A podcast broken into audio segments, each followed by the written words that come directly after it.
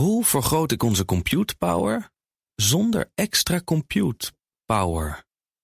Lenklen, Hitachi Virtual Storage Partner. Lenklen, betrokken expertise, gedreven innovaties. BNR Digitaal wordt mede mogelijk gemaakt door Amazon Web Services. De betrouwbare cloud voor kostenoptimalisatie, innovatie en digitale transformatie. Altijd en overal alle programma's live luisteren. Download de gratis BNR-app. BNR Nieuwsradio. Digitaal.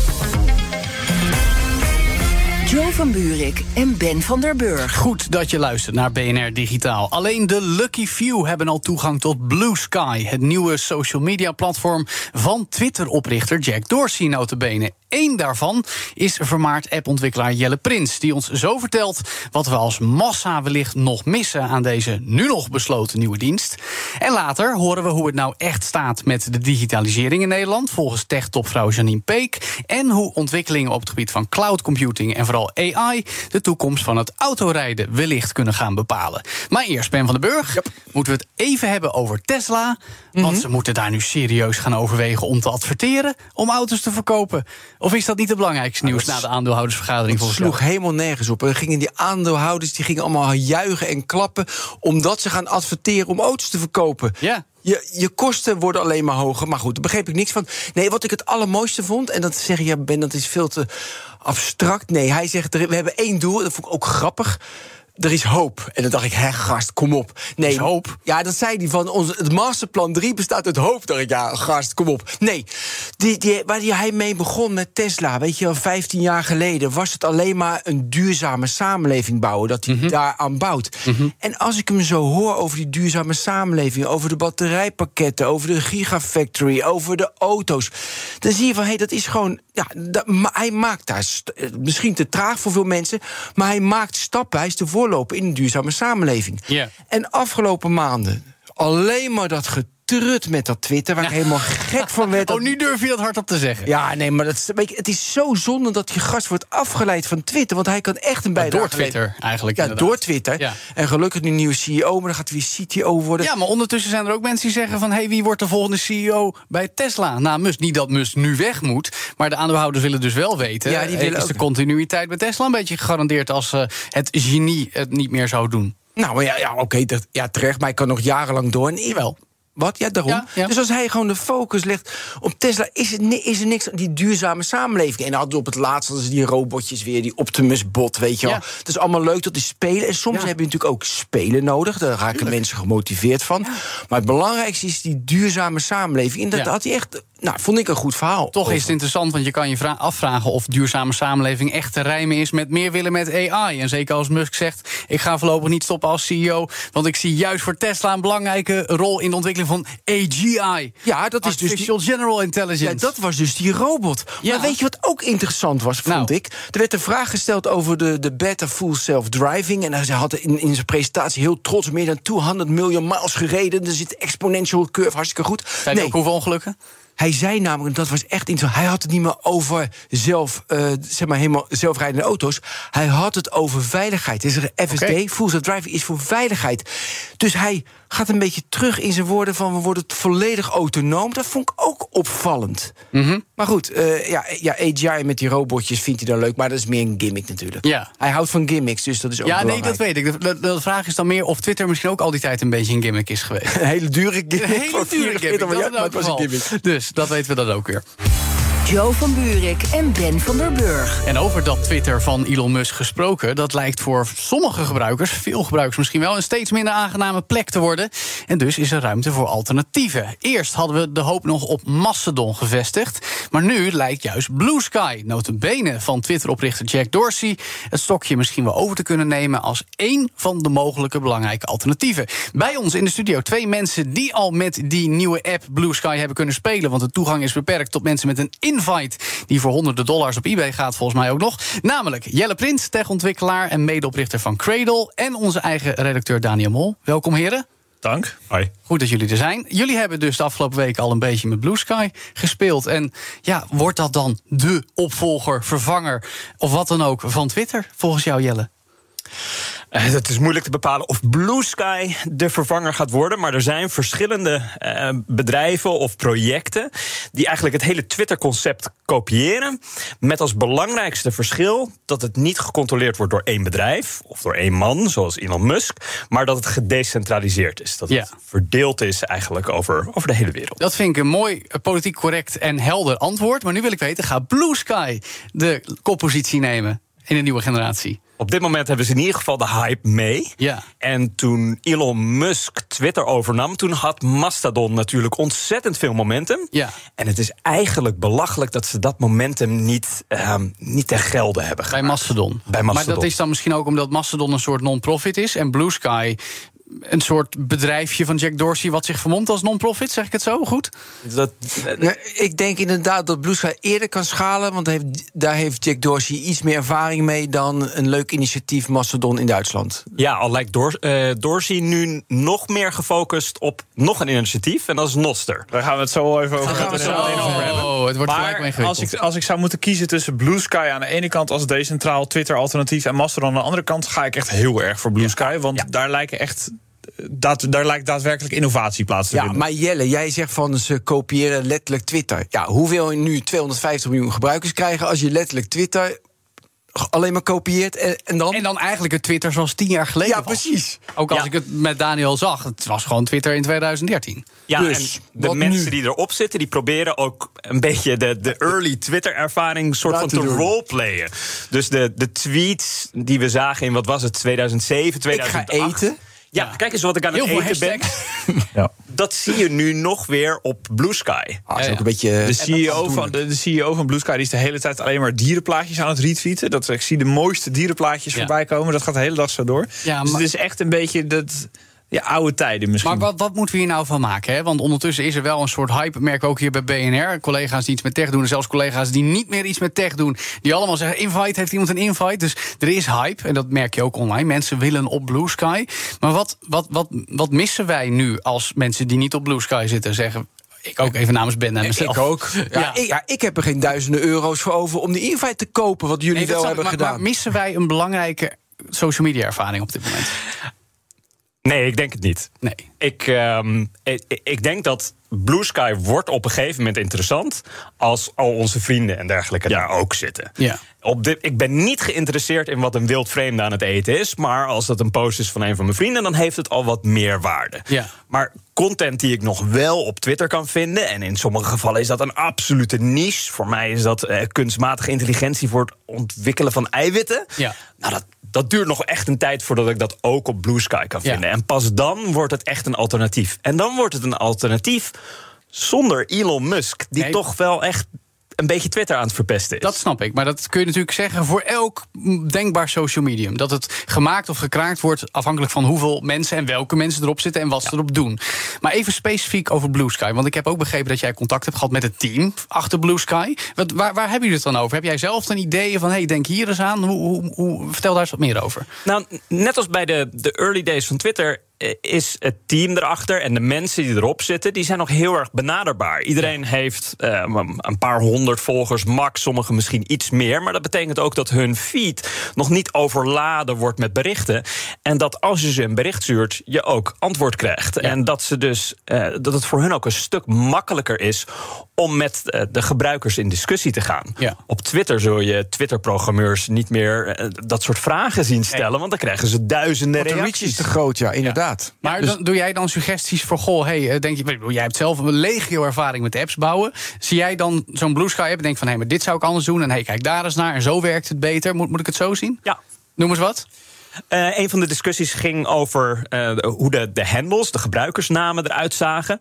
En eh, dan ging het voornamelijk over van stel dat ik, ik nu bij BNR zou werken en dat ik zeg Jelle bij BNR is mijn nieuwe gebruikersnaam in plaats van Jelle Prins. Ja. Nou, ben ik super trots op de nieuwe baan, maar op een gegeven moment ga ik daar weer weg. En dan zou ik mijn naam ook moeten veranderen. Ja. Maar ik sta op dat moment bekend als Jelle bij BNR. Ja, en wat En- is jouw oplossing dan?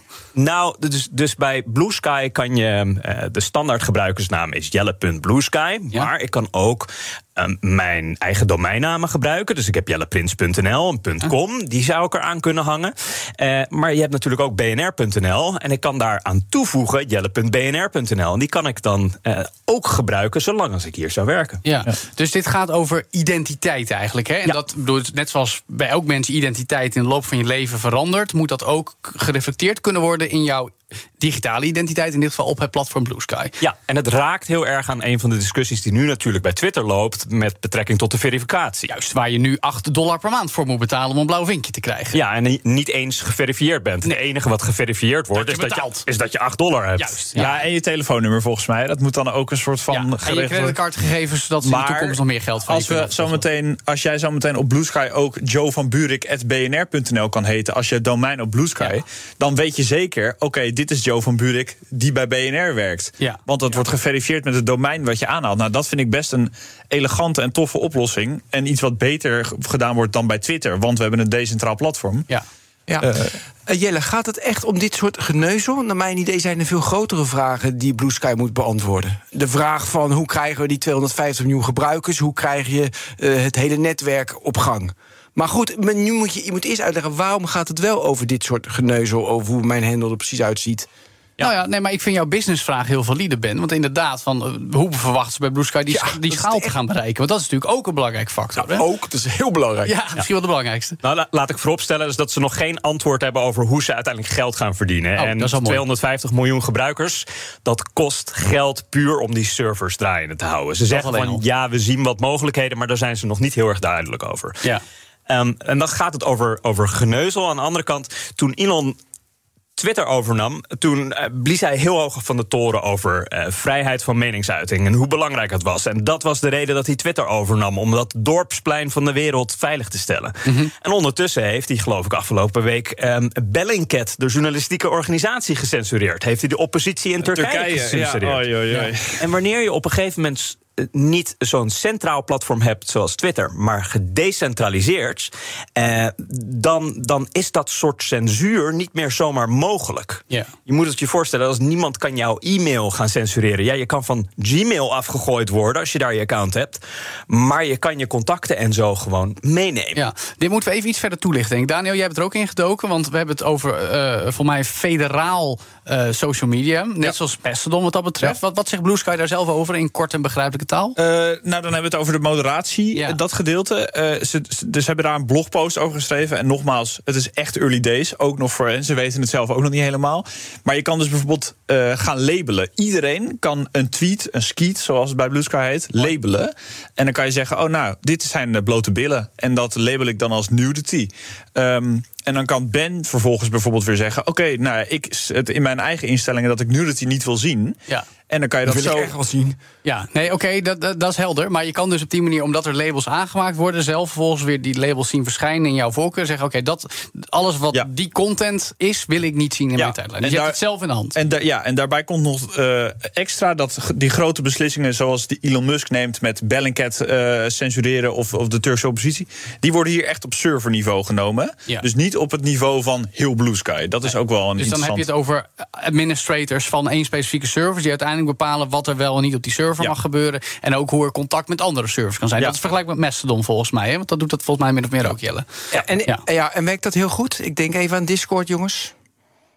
Oei, toen viel stil. Nee, Discord is stil. stil. Ik snap je punt, Ben. Want op die manier laat je dus wel weer aan de gebruikers... en de supergebruikers om te besturen. Ja, maar kijk, het- wat het grote verschil is, dat Ik, wil ik echt, dat is echt een belangrijk punt Ja. wat ik wil maken. Bij Mastodon is het echt heel erg lastig om je hele hebben en houden van de ene server naar de andere server dat te snap verplaatsen. ik. Dat snap Ja. ik. Het, we hebben het over modereren. Ja, je weet ik. En modereren zeggen we decentraal modereren. Dat één server modereert is stop. Weet je, want dan krijg je geen reach Ja. enzovoorts. Maar we zien natuurlijk de laatste maanden bij Discord. zijn er ook in de moderatie. komt in Discord komen artikelen en berichten. die, die dan uiteindelijk toch naar buiten komen. En dan Ja. dat het toch misgaat. Dus is dat de oplossing voor moderatie? Dat je het decentraal op server zet. Jelle zit heel diep na te denken nu. Is er een oplossing voor het moderatie op internet vraagstuk? Is die, wat, Nou, die daar heb- twijfel Maar vind ik, ik, denk mooi. dat, de, hè? dat de- Nee, ik denk dat de donkere plekjes altijd op het Ja, internet ja, zullen dat is bestaan. ook fijn juist. Maar ik vind die, die twijfel bij Jelle mooi. Dus laat hem... Nee? Ja, nou, ik, ik zit te denken van. eh, moeten berichten inderdaad verwijderd worden of moet de gebruiker zelf bepalen wat hij ziet? En ja, dat er ergens enge berichten in de wereld zitten, eh, oké. Maar gebeurt? dit zijn de berichten die ik wil zien. En op dit moment, de For You-page wordt bepaald door een algoritme bij Twitter. Ja. En bij Blue Sky kan je zo meteen je eigen algoritme kiezen. Of je kiest er meerdere. Ja, dus je kan, zelf voor maken. jezelf bepalen hoe jij wil dat in abstracte zin eh, Blue Sky voor jou gereguleerd wordt. Ja. Semi-geautomatiseerd. Nou, in feite Ja. kan je je eigen Twitter gewoon helemaal vormgeven zoals jij dat wil. Op het gebied van moderatie, op het gebied van algoritme. Oké, nou daar zullen we het voor nu mee moeten doen wat moderatie betreft. Belangrijker, en vooral voor Ben van den Burg, aanbevelingsalgoritmes. Ja, nou ja, maar die krijgen we natuurlijk omdat ik het... eh, ik kan het algoritme nemen van Jelle, dat Jelle heeft gemaakt... en dan krijg ik precies Dat wat moet je Jelle even wil. toelichten, Jelle. Hoe, hoe ik werkt het? Want in principe heb je alleen een chronologische tijdlijn. Again, zoals we dat met Twitter ruim tien jaar geleden ook gewend waren. Maar je kan dus ook eh eh, skeets op basis van de algoritmische aanbeveling van Blue Sky. Denk dat het interessant is voor jou, maar dat wordt dus door gebruikers zelf ontwikkeld. Nou, nu nog niet. Maar, Maar dat gaat Ja, gebeuren. dat, dat is het plan. Nou, eh, op dit moment heb je inderdaad de chronologische tijdlijn, zoals je die bij Twitter had. En je hebt nog een andere tijdlijn. En die is op dit moment is die super simpel. Dat is een bericht wat een x aantal likes heeft gekregen, komt daarop. Viral berichten eigenlijk, zo Ja, maar ja, op Blue Sky betekent viral iets van 15 likes. Ja, oké, alles is relatief. En nou, op Twitter is dat al een stuk geavanceerder. En weten ze de onderwerpen die ik interessant vind, van mijn interactie met eerdere tweets enzovoort. En je kan je voorstellen dat in de toekomst eh, gaan amateurs en misschien wel kleine bedrijfjes, misschien wel grote bedrijven, die gaan verschillende soorten algoritmes bedenken. En kan je gewoon zeggen van ja, deze, deze spreekt me heel erg aan. eh, wat die aanbeveelt, wat voor een tweets die voor mij, eh, of tweets die En, voor en, mij en, en selecteert. haakt het dan in op hetgeen wat we net beschreven van... oké, dit zijn dingen die ik niet wil zien, met daarbij toegevoegd ook... van dit soort dingen, labels dus, wil ik juist veel meer zien. Is het zo simpel als dat? Bijvoorbeeld. En misschien kan het op een gegeven moment veel ehm, eh, geavanceerder worden met kunstmatige intelligentie die analyseert wat voor een tweet het daadwerkelijk is. Dan krijg je ook geautomatiseerd labelen. Ja. Ehm, eh, eh, waarschijnlijk ook de interactie die je eerder had. En, en het aantal volgers wat je hebt. Of Ja. het soort volgers wat je hebt. Mensen die je volgt. En dat aan de hand daarvan wordt bepaald wat je waarschijnlijk wil, eh, Ja, wil zien. precies. Oké. Nou, alles bij elkaar krijg ik dan het gevoel. Ze zijn Twitter aan het nabouwen met als belangrijkste verschil: het is ehm, federaal, decentraal. En er is geen Elon Musk. Dat Ja. zijn dan eigenlijk de twee grote verschillen ten opzichte van Twitter. Wat mis ik nu, waardoor ik ga denken: Blue Sky gaat het helemaal worden? Nou, ik, is- ik, ik denk dat je op dit moment zou ik niet zeggen dat je heel veel mist. Of, of we vergeten nu een heel belangrijk Nee, het is, het is, nee, het is niet. Het is wat er nu op Blue Sky gebeurt. Je mist niks. Het is dus eigenlijk de belofte waar we een beetje aan ja, vasthouden. Oké, maar je zegt dan heel makkelijk... ja, ze zijn Twitter aan het nabouwen... eh, en we hebben het net gehad over moderatie, dat ze anders gaan doen. Je kan algoritmes gaan shoppen, dat is anders. Het is een decentraal platform. Ja, dat vind ik echt heel grote verschillen, hoor. Ja, oké, dus de features zijn allemaal hetzelfde... en het is natuurlijk heel moeilijk Nee, de features zijn dus niet hetzelfde. Nou ja, Voor over enigszins vergelijkbaar, maar beter decentraal, uitgewerkt. algoritme beter. Oké, maar... Het, Ja, daar stappen jullie heel makkelijk overheen, vind ik, Ik hoor. Nee, denk wel dat het belangrijk is om te beseffen van... dit zijn features die jij en ik heel interessant vinden. En, en Mastodon is daar nog iets extremer in. Ja. En dat, daar zitten voornamelijk mijn hele technische vrienden. Precies. Maar de grote massa, do they care? Die, nee, precies helemaal niet. Dus die, het ga- gaat er constant om, om die 250 miljoen. Maar ik ga even, we proberen even hoe ze. Ja, gebruikers. Het gaat even hoe ze dat wel kunnen doen. Naar mijn idee heb je dan gewoon hele grote namen nodig. Die, waar je, ik wil jou volgen, Jelle, want jij, jij zit erop. En ik kan je alleen maar daar Ja. volgen. En ik moet, dat is, een van de elementen. Nu is Jelle een getalenteerde techontwikkelaar die wij hoog hebben zitten, waarvan we zijn skeets willen zien. Maar er zijn ook bekende artiesten die daar helemaal geen boodschap aan hebben. Die zeggen: Sure, ik wil best op Blue Sky, maar geef me een paar miljoen. Dus dan krijg je toch. Nee, maar ik denk even geprojecteerd in de hoofden van de massa, die 250 miljoen gebruikers. Ja, die gaan toch alleen naar Blue Sky toe als daar ook Nou. de, de, de Justin Biebers van deze wereld op komen. Klopt, helemaal klopt. Ik wil even de vergelijking maken met TikTok. Want we hadden nooit verwacht, drie jaar geleden of vier jaar geleden, dat TikTok meer dan een miljard. Dat hadden we nooit verwacht. En toch is het, eh, is het gelukt. Waarom is het gelukt? Direct te doorscrollen, direct dat hele scherm. Algoritmische aanbeveling. En het algoritme eh, voor jou, je raakt eraan verslaafd. Dus er was toch een feature die net even ietsje anders iets beter was door een miljard. Het hele wat Blue Sky nu neerzet. Ja, dat- is juist niet dat je die massa kan bereiken. Dus daarom maak ik me best wel zorgen. Ja, of hele grote. TikTok, daarvan zeggen ook met elkaar dat is danig toxic. Ja, nee, ja, volgens zeker. Moet je dat als Blue Sky wel willen? Ja, ja, we hebben een hoop, hoop vragen. Maar wa- waar vindt Blue Sky en Jack Dorsey en de zijnen eh, de balans tussen dit moeten we willen en dit moeten we willen om te groeien? Ja, nou, dus ze hebben een invite systeem. Elke gebruiker krijgt, geloof ik, één keer in de twee weken één invite om uit te delen. Daniel is de meest populaire collega bij BNR op dit Ik heb één invite eh, weggegeven. En Nou, wij hebben hem niet dat- gezien, maar goed. dat voelt als heel weinig om dat platform te laten groeien. En het, het voornaamste wat ik daar nog mis is. zijn mijn vrienden. Ja. Eh, ik heb geloof ik tot nu toe acht invites uitgedeeld. Mm. En ik heb daarbij heel specifiek gedacht van... welke mensen moeten we op Blue Sky hebben... om de rest daarheen te krijgen? Dat is interessant. Ja. Dus daar kunnen ze misschien nog meer mee doen met Blue Sky. Om te denken van, hé, hey, we gaan de gebruikers die er nu op zitten... ervoor laten zorgen dat mensen die Blue Sky gaan doen laten groeien... er ook op komen. Ja. En dat was natuurlijk ook het hele punt waardoor Twitter uiteindelijk gegroeid is naar wat het nu is. Is dat die thought leaders daar als eerste waren. Ja. En de- je zou kunnen zeggen bij Blue Sky dat de Ben Thompsons en de Casey Newtons, die zitten daar nu al op. Die voelen zich misschien wel vrijer op Blue Sky dan op het, trein, trainwreck Ja. wat Twitter nu aan het worden is. Voorwaarde dat ze het lang genoeg volhouden. Niet zoals hebben van ja, mijn bereik groeit hier Ja, niet maar het, het werkt in ieder geval veel beter dan Mastodon. Dat is Oké. een ding wat zeker is. Helder. Tot slot dan nog over alternatieven gesproken. Noster werd net al genoemd. En er is er volgens mij nog eentje. T2 of T2. Wat, wat, wat gaat het dan worden? Want het voelt alsof er weer een heleboel Twitter-alternatieven aankomen. Jelle? Ja, nou, dat is Mastodon, dat is Laat zes parkeren we even. Ja, die parkeren we. Eh, die was vrij technisch. Je hebt nog eh, Noster, die is meer voor crypto-adepten. Nog technischer, Nog technischer. Eh, T2 maakt het juist weer allemaal een stuk simpeler. Is opgericht door een aantal eh, oud-Twitter-medewerkers. Die zijn ontslagen door Elon Musk. Een aantal daarvan had toch wel veel verdiend in de afgelopen jaren. Dus die zeiden van... Wij hebben ervaring van het bouwen van Twitter. Wij denken dat we dit beter kunnen. En dat is geen eh, gedecentraliseerd platform. Het is gewoon, het heet letterlijk T2. Het wordt een kopie van Twitter. Ja. En ik denk, enige reden waarom de massa uiteindelijk weg zou gaan bij Twitter naar een alternatief, is als Elon het heel, heel, heel erg verpest. Ja, tot die tijd blijven mensen toch gewoon twitteren. Ja. Ja, nou, daar moeten we het dan maar doen. Hè, Ben? Ja. Jij voorlopig ook toch gewoon op Twitter? Ja, ik heb een algoritmische stijl aan die top Ja. is. Dus, eh, ja, en we jongens, hebben ik geen invite van Daniel. Nee, dus, daarom eh, wij krijgen niet op Blue Sky. Dan maar moeten we het bij dit gesprek laten. Dank techontwikkelaar Jelle Prins en redacteur van BNR Digitaal Daniel Mol. Straks praten we in dit programma over hoe goed het nu echt gaat met digitalisering in Nederland. Vooral bij bedrijven en overheden. En horen we hoe autonoom rijden mogelijk nieuw perspectief krijgt dankzij de cloud en AI. Blijf luisteren. BNR Nieuwsradio. Digitaal. Joe van Buurik en Ben van der Burg. Welkom terug bij BNR Digitaal. Hoe digitaal is de toekomst van het autorijden? Die vraag werd onlangs door meerdere topmensen uit de automotive beantwoord in Londen. En BNR was daarbij. Straks meer. Nu eerst. Neemt Nederland de digitale transitie serieus genoeg? En wat verstaan we daar eigenlijk onder? Die eerste vraag werd retorisch gesteld tijdens de KIVI technologielezing naar het Koninklijk Instituut van Ingenieurs, die Janine Peek onlangs uitsprak in Den Haag. Zij is algemeen directeur van Capgemini Nederland, lid van de Sociaal-Economische Raad en boegbeeld van topsector ICT. En nu onze gast in de studio van BNR Digitaal. Welkom Janine.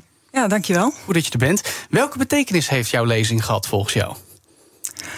Uh, nou ja, ik word op dit moment toch wel regelmatig uitgenodigd om er nog wat toelichting op te, te geven. Waarvan ik, acte? Ja, waarvan acte, dank je wel uh, daarvoor. Ik, uh, ik hoop dat het een oproep is om, de, om zeg maar de digitale transitie serieuzer te nemen. Dat Ja. hoop ik. Ja. En dat het ook gaat leiden tot actie. Ja, en als we het dan hebben over de vraag of Nederland de digitale transitie serieus genoeg neemt, um, dan wil ik eigenlijk als eerste voorbeeld horen wat we nu al goed doen in Nederland in dat opzicht. Wat is daar je favoriete voorbeeld van? Uh, ik denk dat we heel veel uh, kleine dingen goed doen. Dus we hebben best wel heel veel mooie voorbeelden van, uh, van learning communities waarin we. Uh, innovatieve projecten daadwerkelijk naar de markt brengen en die ook echt digitalisering in zich hebben. Ehm, we hebben natuurlijk ook uh, bijvoorbeeld met de komst van, uh, van de AI-coalitie uh, geld gekregen in de, voor AI, net voor de ontwikkeling van de AI in Nederland. Mm -hmm. Ook allemaal hele goede dingen. Yeah. dus er gebeurt gelukkig ook best wel veel goed. Ja, en, okay. um, ja, maar het kan wel beter. Het kan beter, ja. ja. Nee, ik wou zeggen, je hebt ook in je lezing aanbevelingen gedaan. Hoe de politiek, hoe overheid dus, ook bedrijven en zelfs nog groter Europa om moeten gaan met de digitale transitie. Wat, wat zijn dan de belangrijkste speerpunten? Waar, waar kan het echt beter? Nou, heb je even? nou, pak de allerbelangrijkste eruit. Gewoon even nou in één keer bam. Ik, ik, voor de mensen die echt geïnteresseerd zijn, zou ik zeggen: ga vooral de Kiwi-lezing lezen. Daar staat het uitgelegd. Maar, ja. zeg maar er zijn een aantal dingen die beter kunnen. Eén is, we moeten het serieuzer nemen als het gaat om. Hè, dus als je nu ziet bijvoorbeeld dat we de energietransitie heel serieus nemen. Komt misschien door macro-economische situaties. Dat doen we rondom de digitale transitie eigenlijk nog niet. Mhm. Mm -hmm. We besteden, of we eigenlijk maken we veel te weinig geld vrij om echte uh, innovatie en uh, maar ook het landen van de digitale transitie in het land uh, goed te krijgen. Ja. Um, ik heb ook. Um, we zijn volgens mij ook al jaren aan het lobbyen om ervoor te zorgen dat er bijvoorbeeld beter onderwijs wordt gegeven op het gebied van uh, digitalisering. En dat is gewoon zo simpel als meer informatica op de basisschool, zou ik maar zeggen. Ja, of je nou informatica wil noemen of niet, maar je zult toch ergens, skills. ja, je zult ergens toch mensen ook een beetje op jonge leeftijd al bekendheid moeten geven met digitale skills. En dat wordt eigenlijk gewoon nog steeds niet goed ingevuld. Waar gaat het dan mis? Want ik bedoel, ik heb nu ook een jong kind. Ik zou graag dat hij over een paar jaar op de basisschool dat aangeleerd krijgt. Maar Ja. waarom lukt dat niet? Ja, dat is een hele goede vraag. Als ik het antwoord zou weten, ik, ik denk dat de basis ligt in het feit dat we binnen de overheid, waar, waar toch een gedeelte van dit uh, beleid vandaan moet komen, we te veel verschillende ministeries hebben die allemaal wel iets van digitalisering in het plan hebben zitten, maar niet op elkaar afgestemd. Ja. Ik denk als, uh, hè, dus als je naar economische zaken luistert of naar binnenlandse zaken, dan staat onderwijs uh, en, het, en het creëren van, van kap, mensen, hè, dus human capital, Ja. uh, voor, voor digitalisering staat heel hoog op de radar. Maar vervolgens ga je naar OCMW en zie je eigenlijk geen echt plan. Nee. Dus daar gaat het denk ik mis. Ja, Janine, we zijn hier natuurlijk al een jaar of 10, 12 mee bezig. Hè, dat we een goede digitale transitie. En nu weer, weet je, nu Ja. heb jij weer. En ik ben bang dat we over tien jaar nog zo staan. En dan kunnen we zeggen van nou, het moet decentraal naar de, eh, naar de verschillende. eh ze hebben naar OCW, daar moeten ze ook een agenda hebben. Maar of je nou decentraal maakt, centraal, dan gaan we daarover praten. Feit blijft, bijvoorbeeld in het onderwijs, het schiet niet op. Nee. Dus volgens mij moet er echt gewoon een push komen. Moet iemand nu de urgentie zo hoog maken en dwingen. En het moet pijn doen met mensen. Willen ze echt ja, willen ze ergens toe komen? Zou je niet zeggen dat dat nu met de afgelopen zes maanden en de AI-hype en ook de angst al misschien een voedingsbodem is om Dat het dit helpt, nu een ja. keer te Ja, laten zou je gebeuren? denken dat dit onze, onze belangrijkste crisis wordt? Dat we daarmee nou, eindelijk wakker worden met Dat is een vraag aan jou. Ja, ik zou willen dat het zo is. En, uh, en Ja. misschien is het wel zo, want ik denk dat zeker met. Met, ja, A- met de AI-act, dat is echt, dat helpt. Ja, Het helpt in het denken over AI, helpt nu dat ChatGPT. ja, Ja. ik denk dat een, wat in ieder geval gebeurt nu. uh, en, en we- ik heb nog nooit zoveel over ChatGPT gesproken trouwens. uh, Tuurlijk. of generatief. kennen het gevoel. Ja, dus jullie ongetwijfeld ook. En eh, ik, misschien is het wel de start om echt eens een keer de digitale transitie dan echt serieus te nemen. Hè? Dus Ja. het is natuurlijk vrij disruptief. En wat het ook vraagt, is dat je komt met kaders. Hoe ga je nou mensen en technologie in het kader van AI goed laten samenwerken? Want anders komt het over ons heen gerold. Ja. Dus uh, nou, misschien is dit de crisis waar we op zitten te wachten. Ja, maar je had het net ook over geld. Het gaat Ja. heel vaak over geld. Onlangs werd ook nog bekend dat onze overheid de helft minder subsidie gaat geven aan het platform TechLeap. Wat juist investeringen in kleine techbedrijven mogelijk moet maken. Is dat dan een beetje tekenend voor de situatie? Want dat wordt dan in verklaringen met een beetje een soort mantel de liefde van ja, nee, we begrijpen het, de overheid heeft al jaren geïnvesteerd. Maar per saldo gaat er gewoon minder geld naar de tech eh, eh, in Nederland. Ja, ik denk dat. Uh, ik, ik, ik ken de achtergrond van waarom dat de korting op TechLeap is niet zo heel erg goed. Hè. Dus, Mm. uh, dus uh, ik. ik eh, het kan twee kanten hebben. Hè. Dus wat ik begrijp uit alles wat ik erover lees, is dat eh, het ministerie van Economische Zaken ervoor kiest om geld op een andere manier in te zetten. Nou, dat, op zich is dat dan prima. Of je Ja, dat meer naar deep tech. Ja, dus of je dat dan via TechLeap doet of een ander platform kiest. eh, als dit een teken is dat er minder geld naar eh, technologieontwikkeling en start-ups gaat, dan vind ik het een slecht eh, idee. Ja. Dus ik vind het wel goed. En, en, want je moet niet, ook niet zeg maar, tot in de treuren, maar met bepaalde zaken door willen gaan. Het feit dat je evalueert en, en je, je focus her- herstelt is ook goed. Ja.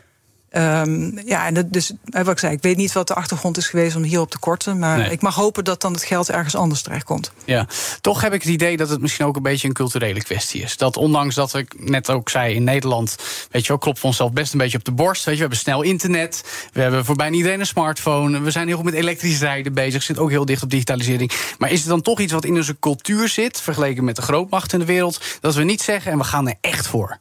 Dat we een beetje voor granted nemen wat we al hebben en het is wel goed zo. Is dat een culturele kwestie misschien? Ik denk eh, dat je wel gewoon een beetje gelijk hebt, ja. Ja. Ik denk dat het cultureel is.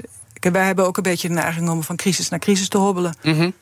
Dus of het nou coronacrisis is, dan gaan we, gaan met z'n allen daar naartoe. Of het is, eh, nu hebben we de energiecrisis. hè, dus eh, dan gaan we met z'n allen daar tijd en energie in stoppen. Nou, ik zou eh, misschien, nou, misschien dat eh, AI dan nu onze, onze crisis Ja, inluistert. misschien en dat nodig, we, ja. En dat we na tien jaar roepen eindelijk eens eh, wat, wat meer focus krijgen. Maar eerlijk gezegd, tien jaar geleden, ehm, eh, als ik eh, uit moest leggen aan, eh, aan, aan zeg maar, mensen binnen de overheid hoe belangrijk digitalisering was, dan vonden ze het vooral heel erg ingewikkeld. Ja. Het is natuurlijk technologie, niet iedereen begrijpt het goed.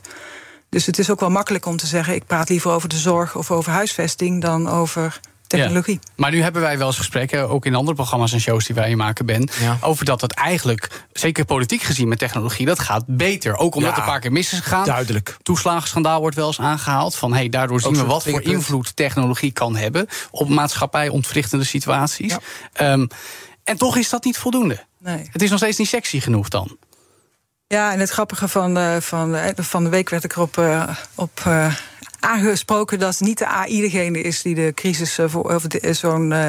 ehm, hoe heet dat, de, de toeslagenschandaal veroorzaakt, maar de Ja. mensen die het gebruiken. Ja. Dus- natuurlijk. Dus des te belangrijker is het dat je nadenkt over hoe zit nou die interactie tussen mensen en technologieën. Welke kaders, wat vinden wij nou belangrijk, wat vinden we wel ethisch verantwoord en wat niet. Ja. Ja, daar moeten we wel heel snel mee aan de slag. Want Ja. zometeen komen de, de. Jullie hebben zaten net ook te praten op weer, over weer een nieuwe technologie die, die komt. Ja. Ja, ook daarin is het wel belangrijk dat je altijd nadenkt over van hoe zorg je ervoor dat zo'n technologie ook veilig in een land kan landen. En dat mensen het ook op de juiste manier gebruiken en niet eh, misbruiken. Ja, maar nu hebben we het weer over landen. Terwijl jij zit in meerdere grote organisaties, zowel commercieel als, als, als semi-overheid, zou ik maar zeggen. Capgemini's, eh, de SER. Ehm, jij bent er allemaal in de top betrokken, zou ik zeggen. Staan daar dan ook de neuzen in digitaal opzicht dezelfde kant op? Of merk je nog steeds veel weerstand en frictie als het gaat om een visie formeren en die ook uitvoeren qua digitaal? Nou, als je kijkt naar de grote technologiebedrijven, Mhm. die hebben de neuzen allemaal wel dezelfde kant op staan. Maar wij zien natuurlijk vooral kansen. Ja, Uh, wij zien ook wel dat daar randvoorwaarden aan zitten om die kansen goed te benutten. Um, maar er zijn ook nog wel vrij veel organisaties in Nederland die uh, heel erg kritisch zijn. Mm-hmm. En dat snap ik ook, hè, want uh, is het wel veilig genoeg? Is het wel ethisch genoeg? En kan iedereen wel mee? Hoe zorgen we ervoor dat de inclusiviteit goed geregeld is? En dus dat, je moet beide kanten doen. ja. Um, ik denk dat die twee dingen hand in hand zouden moeten gaan en niet tegenover elkaar moeten staan. En het Ja. feit dat het soms tegenover elkaar staat, merk je dat, dat we af en toe proberen om te veranderen met de rem erop. Ja, en, en kunnen die bedrijven voldoende de waarde die ze toevoegen heel duidelijk maken? Dus we maken het allemaal veilig. Dat is allemaal gewoon, weet je, je, je investeert dit, maar dit krijg je terug. Dus heet het de waardetoevoeging. Dat helder genoeg. Ik denk dat we, dat, dat niet altijd uh, goed genoeg gebeurt. Want als dat wel zou zijn, dan zou iedereen namelijk, denk ik, technologie en digitalisering omarmen. Ja. En wat gaan jullie dan doen om die waarde wel helder te maken? Kijk, voor anderen komt ook van ja, logisch dat ik nu op Blue Sky ga, want ik krijg dit ervoor. Ja. Dus wat doe je dan om die waarde wel helder te maken? Ja, ja kijk, wij proberen natuurlijk eh, als, als ICT-bedrijven zelf dat heel erg goed met onze klanten samen te doen. Dus hoe kun je het nou inzetten om ervoor te zorgen, bijvoorbeeld dat je betere dienstverlening naar je klanten hebt, of dat je effectiever kan zijn, of dat je misschien met dezelfde hoeveelheid mensen nog veel meer zou kunnen doen. Uh, dus dat, met voorbeelden proberen we dat natuurlijk wel zo goed mogelijk uh, uit te leggen. Ja. Um, uh, ja, dus dat, dat, is, dat blijft een, een constante aandachtspunt. In Ja. ieder geval voor de IT-bedrijven is dat zo. Ja, wat ik tot slot nog even benoem, wat ik interessant vond. Uh, ik heb je lezing uiteraard ge, uh, gelezen. Uh, een van je allereerste banen, ruim 25 jaar geleden in Japan, om tech-innovaties te spotten. Notabene voor KPN. Ben van den Burg deed het een kleine tien jaar Letterlijk later. hetzelfde. Voor Vodafone. Ja. Um, wat trof je daar aan waarvan je zegt van ja, maar toen liepen ze daar zo voorop. Inmiddels lopen wij voorop, zou ik zeggen, in Europa met digitaal en helemaal in de VS en China natuurlijk. Maar wat, wat, wat, wat zat daar voor bijzonders wat je tegenkwam? Wat, waar we misschien wat meer aan zouden moeten denken. Als het gaat van ja, maar in Japan hebben ze wel altijd zo voorop gelopen met digitale innovaties omarmen. Zijn, zijn we iets kwijtgeraakt of zo? Want we hebben die achterstand die we toen hadden, hebben we wel goed gemaakt. En nu beginnen we weer achter te lopen of zo. Op andere delen van de wereld. Ja, wat, ik daar, wat ik daar vooral van geleerd heb, even als voorbeeld. Uh, dus het, was, het was in uitwisseling van KPN bij NTT Docomo. Dus dat mm -hmm. is zeg maar de Japanse telecom. En die hadden een huis van de toekomst waarin je uh, tv kon kijken, bijvoorbeeld het journaal, op het moment dat je dat leuk vindt. On demand. On demand. En, en dan moet je wel bedenken, dat is meer dan 30 jaar geleden. Hè? Dus mm -hmm. toen de tijd. Dus ik, ik vond dat fascinerend. Maar ik heb ook de hele tijd bij mezelf gedacht: maar waarom zou je dat willen? He, want je kan toch gewoon om acht uur naar het journaal kijken. Dus waarom zou ik dat ook om zes uur willen? Ja. Um, dezelfde soort ervaringen had ik overigens ook toen sms uitkwam. En toen dacht ik, ja, jezus. Hoe zou je dat doen? Ja. Een camera op je telefoon. Hoezo? Echt, hoezo ja. dan? Dus, Ja. er zitten, er zitten, dus wat ik, wat ik er vooral van geleerd heb, is dat sommige mensen zijn heel innovatief en komen met fantastische nieuwe technologieën. En sommige van die technologieën worden uiteindelijk ook succesvol. Of ik daar nou uiteindelijk daar een early adopter van ben. Nou, ik ben duidelijk geen early adopter, dat is wel helder. Mm. Uh, of niet. Hè? Ja. En, uh, ik, en ik denk dat het goed is dat je open blijft staan, maar ook dat je nadenkt over als nou zo'n technologie zich ontwikkelt. En dan komen er vast nog een heleboel meer. Mm -hmm. Hoe past dat dan in de maatschappij? En hoe zorg je ervoor dat je dat op een veilige manier doet? En Ja. toen de tijd sms, of zeg maar, ik weet nog, uh, mobiele telefoon, hè, dan ga je daarmee op de fiets uh, zitten. Tegenwoordig mag het niet meer, maar Nee. toen de tijd wel. Ja. En zo zijn we bewust geworden En van zo- innovaties die eh, Exact. op ons afkomen. Van we toen dachten, wat hebben we eraan? Nou goed, dat moeten we dus blijven afvragen met elkaar. Dank Janine Peek, algemeen directeur van Capgemini Nederland, lid van de SER en boegbeeld van topsector ICT. De zoekopdracht. Ja, en we stuurden weer eens een tech-collega op pad om antwoorden voor ons te vinden. Dit is immers de zoekopdracht. Maar je had hier ook de jingle van de Nationale Autoshow kunnen horen. Want wat we ditmaal wilden weten was... wat gaan de opkomst van de cloud hand in hand met AI betekenen voor de automotive-industrie? Die vraag was een belangrijk onderdeel van de jaarlijkse Future of the Car Summit in Londen... op een initiatief van Financial Times. En daar stuurden we tech-collega Michiel Jurjens naartoe... om onze vragen te laten beantwoorden. Welkom, Michiel. Dag Jo, dag Ben, hallo. Goed dat je weer bent. Jij was daar dus, eh, Michiel, om eh, de toekomst van de auto waar te nemen, of in ieder geval aan te horen. Kun je voor ons alvast kort schetsen hoe die eruit ziet? We zijn benieuwd. Nou, het- ik, het- ik, denk, ik denk voorlopig eh, de komende jaren... je zult eh, nog wel gewoon vier wielen hebben. Er zou ook nog wel een, zou ook nog wel een stuur... Geen stuur- zwevende auto's. Een stuur en een bijrijderstoel. Nee, dat is echt door de straten vliegen. Dat, eh, dat gaat nog wel even duren. Ehm, maar, en dat waren heel veel mensen aan het zeggen daar. Daar ben ik ook wel meer en meer van overtuigd geraakt. Eh, een auto was ooit stukken metaal. En dan had je een motor ertussen. Wielen en dan ging het rijden. Ehm, maar ehm, misschien is het inmiddels al zo. Maar we gaan steeds meer toe naar de computer op, op wielen. Ja. Dat, dat is wel echt de kant eh, die we opgaan. Ja, nou, die hebben we vaker gehoord. Ja. van verschillende mensen. Maar nu heb jij eigenlijk de best of the best gesproken. Mensen die zich dagelijks bezighouden met deze vraag. En dus nu al de dingen ontwikkelen die wij over vijf, misschien wel tien jaar pas echt normaal gaan vinden in het verkeer.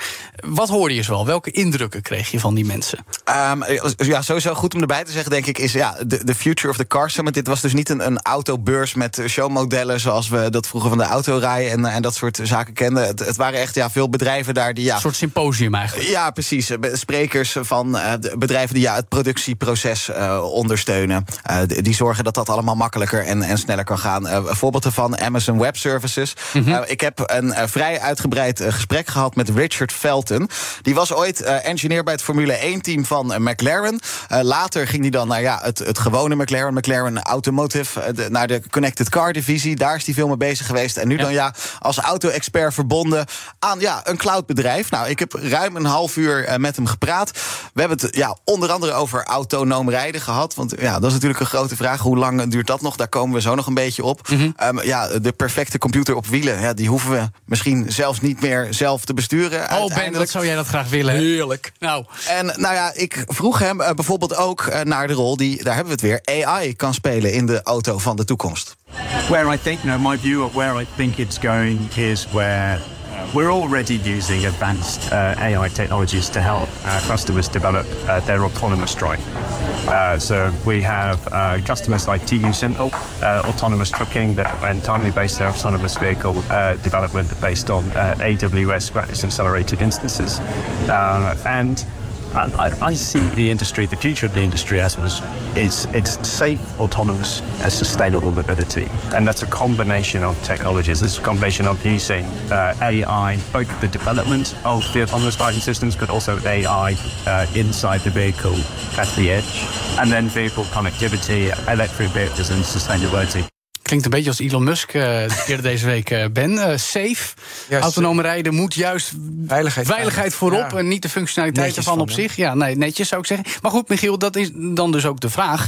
Ja, we horen dus niet wanneer die autonome auto's... met meer AI dan we eerder hadden gedacht gaan rondrijden. Ja, en dat is toch ja, wat we allemaal willen weten. Want ja, ik heb dus ja, twee dagen lang... het ging er maar de Geef hele tijd over. En, en, en, en, en wat, er allemaal, wat er allemaal mogelijk is en waar we naartoe gaan. Ja, en jij zei het ook al, mensen die met hun hoofd 10 of 20 jaar in de toekomst te leven. Maar ja, wanneer zijn ze er nou? En ik dacht ook, ja, als iemand dat zou moeten weten, dan is het zo'n Richard Felton van, van AWS. Dus ja, ik vroeg het toch maar aan hem, maar ook hij vond het toch wel lastig. That is the question the whole industry has been asking for a very long time. Uh, we heard this morning in the keynote uh, with, with Peter Campbell uh, and with uh, San from the CEO of Nissan. Uh, and a very similar question was asked, uh, and uh, the, the, answer was it always seems to be six years away. Uh, but um, it was the I, I, I, don't have a crystal ball, and, I, am really excited to wait for the industry to, to announce that it, it will finally be ready. But it will it will come.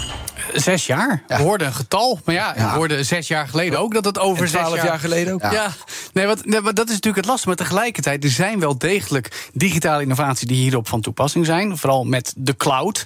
Um, en ja, we weten natuurlijk ook een zelfrijdende auto... zoals elk digitaal apparaat genereert ontzettend veel data die verwerkt moet worden gaat de cloud erbij helpen om dat sneller te doen en zo sneller ook bij echt autonoom rijdende auto's te komen? Ja, dat, dat is wel waar, tenminste de mensen die ik dan vorige week gesproken heb hierover, dat is wel de grote dromen van, van die mensen. Dus ja, auto's die via die cloud ook weer allemaal met elkaar uh, verbonden zijn. Um, bijvoorbeeld, ja, het is op straat A is het heel erg druk en daar rijden allemaal zelfrijdende auto's. En die, uh, de, de zelfrijdende auto's in straat B, die hebben al door dat het in straat A heel erg druk is. Mm -hmm. Dus we pakken straat A niet. Dat, zijn, dat zijn dan zaken waar ze dromen over um, met Live elkaar. informatieverwerking eigenlijk. Ja, precies. Maar dus... was het alleen maar dromen of was het ook gewoon een put in de weg? Weet je, oh, de, daar gaan de auto's langzamer, er wordt berekend... ik moet niet die weg nemen of een afsluiting. Toch, in real time? Dat soort zaken, dat moeten we allemaal gaan krijgen inderdaad. Ja, en dus ja, de AI die het inderdaad herkent, de put in de weg... of uh, toch, uh, stel, daar verderop, daar rent al een kindje op de stoep... dus ik moet hier op gaan passen. Ja. En ja, het zijn zoveel gegevens, zoveel informatie die uitgewisseld moet worden... Ja. Um, maar toch heb ik het idee van een heleboel van die dingen, dat, dat, dat, dat zijn we nu gewoon al aan het doen. We hebben al een aantal jaren de cloud. AI raakt in een stroomversnelling. Um, zijn er dan nog meer factoren die, die, die meespelen om te zorgen dat, dat, dat die combinatie met elkaar ja, iets gaat helpen? Wat, wat, hoe ziet dat spanningsveld eruit, weet je wel? Nou, wat ik, wat ik merkte ook in het gesprek dat ik dus met, met Richard Felton had, met zijn verleden bij de raceauto's bij McLaren. En uh, nu dus ja, uh, het cloudbedrijf dat ook de auto-industrie een, een, een, stuk vooruit probeert te helpen. Yeah. Um, is, ja, je hebt natuurlijk dus te maken met ja, de fabrikanten, de mensen die het moeten produceren, uh, de automerken.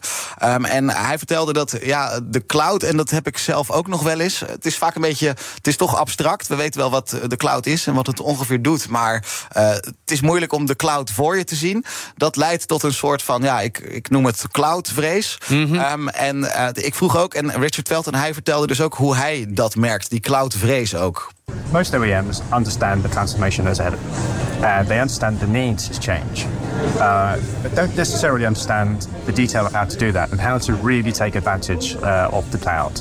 Uh, and it's a different set of skill sets. We heard yesterday in a couple of the keynotes about uh, how do you uh, recruit and uh, enable employees within car companies uh, to become uh, more familiar with the cloud, to take advantage of cloud technologies? Uh, we've announced a partnership with BMW where we're creating the cloud data hub for BMW. So BMW want to put data at the center of all their decision making, from the vehicle concept to vehicle design, understanding how their customers use their vehicles, and then uh, through to service and operations. So, uh, for BMW's Cloud Data Hub, in order to get BMW started, we've trained 5,000 BMW engineers to become familiar with the cloud, become cloud native, can understand cloud application development concepts. Ik denk dat ik hem snap, Michiel en Ben. Af. Ze zitten gewoon vast in het verleden, die automakers. En ze willen wel, en dan kijken ze dus naar dit soort bedrijven... van nou, help ons alsjeblieft met het opleiden van onze mensen... of nieuwe mensen vinden Ja. die digitaal echt snappen. De digitale transitie, Ja. daar is hij Ja. weer. Maar tot die tijd, ze zijn te groot om zomaar even over te stappen. En al die projecties van drie, vijf of zelfs zes jaar... is gewoon te Ja. early days. Ja, ja, en dat is, ja, dat is interessant inderdaad. Hè. Ik, ehm, ik sprak later ook, dat heb ik nu niet meegenomen... maar ik sprak ook iemand van eh, Commerce Tools...